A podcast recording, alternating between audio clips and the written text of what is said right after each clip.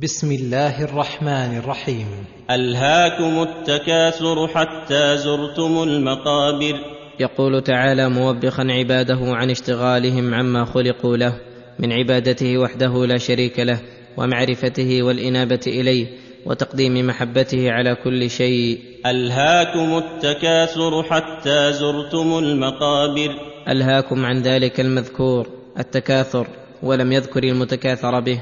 ليشمل ذلك كل ما يتكاثر به المتكاثرون ويفتخر به المفتخرون من التكاثر في الأموال والأولاد والأنصار والجنود والخدم والجاه وغير ذلك مما يقصد منه مكاثرة كل واحد للآخر وليس المقصود به الإخلاص لله تعالى. فاستمرت غفلتكم ولهوتكم وتشاغلكم. حتى زرتم المقابر. فانكشف لكم حينئذ الغطاء ولكن بعدما تعذر عليكم استئنافه. ودل قوله حتى زرتم المقابر.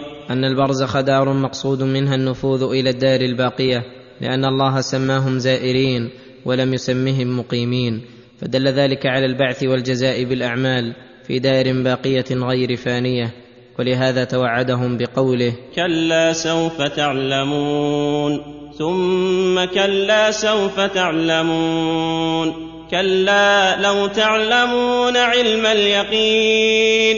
أي لو تعلمون ما أمامكم علما يصل إلى القلوب لما ألهاكم التكاثر ولبادرتم إلى الأعمال الصالحة ولكن عدم العلم الحقيقي صيركم إلى ما ترون. لترون الجحيم. أي لتردن القيامة فلترون الجحيم التي أعدها الله للكافرين. ثم لترونها عين اليقين. أي رؤية بصرية كما قال تعالى ورأى المجرمون النار فظنوا أنهم مواقعوها ولم يجدوا عنها مصرفا. ثم لتسألن يومئذ عن النعيم.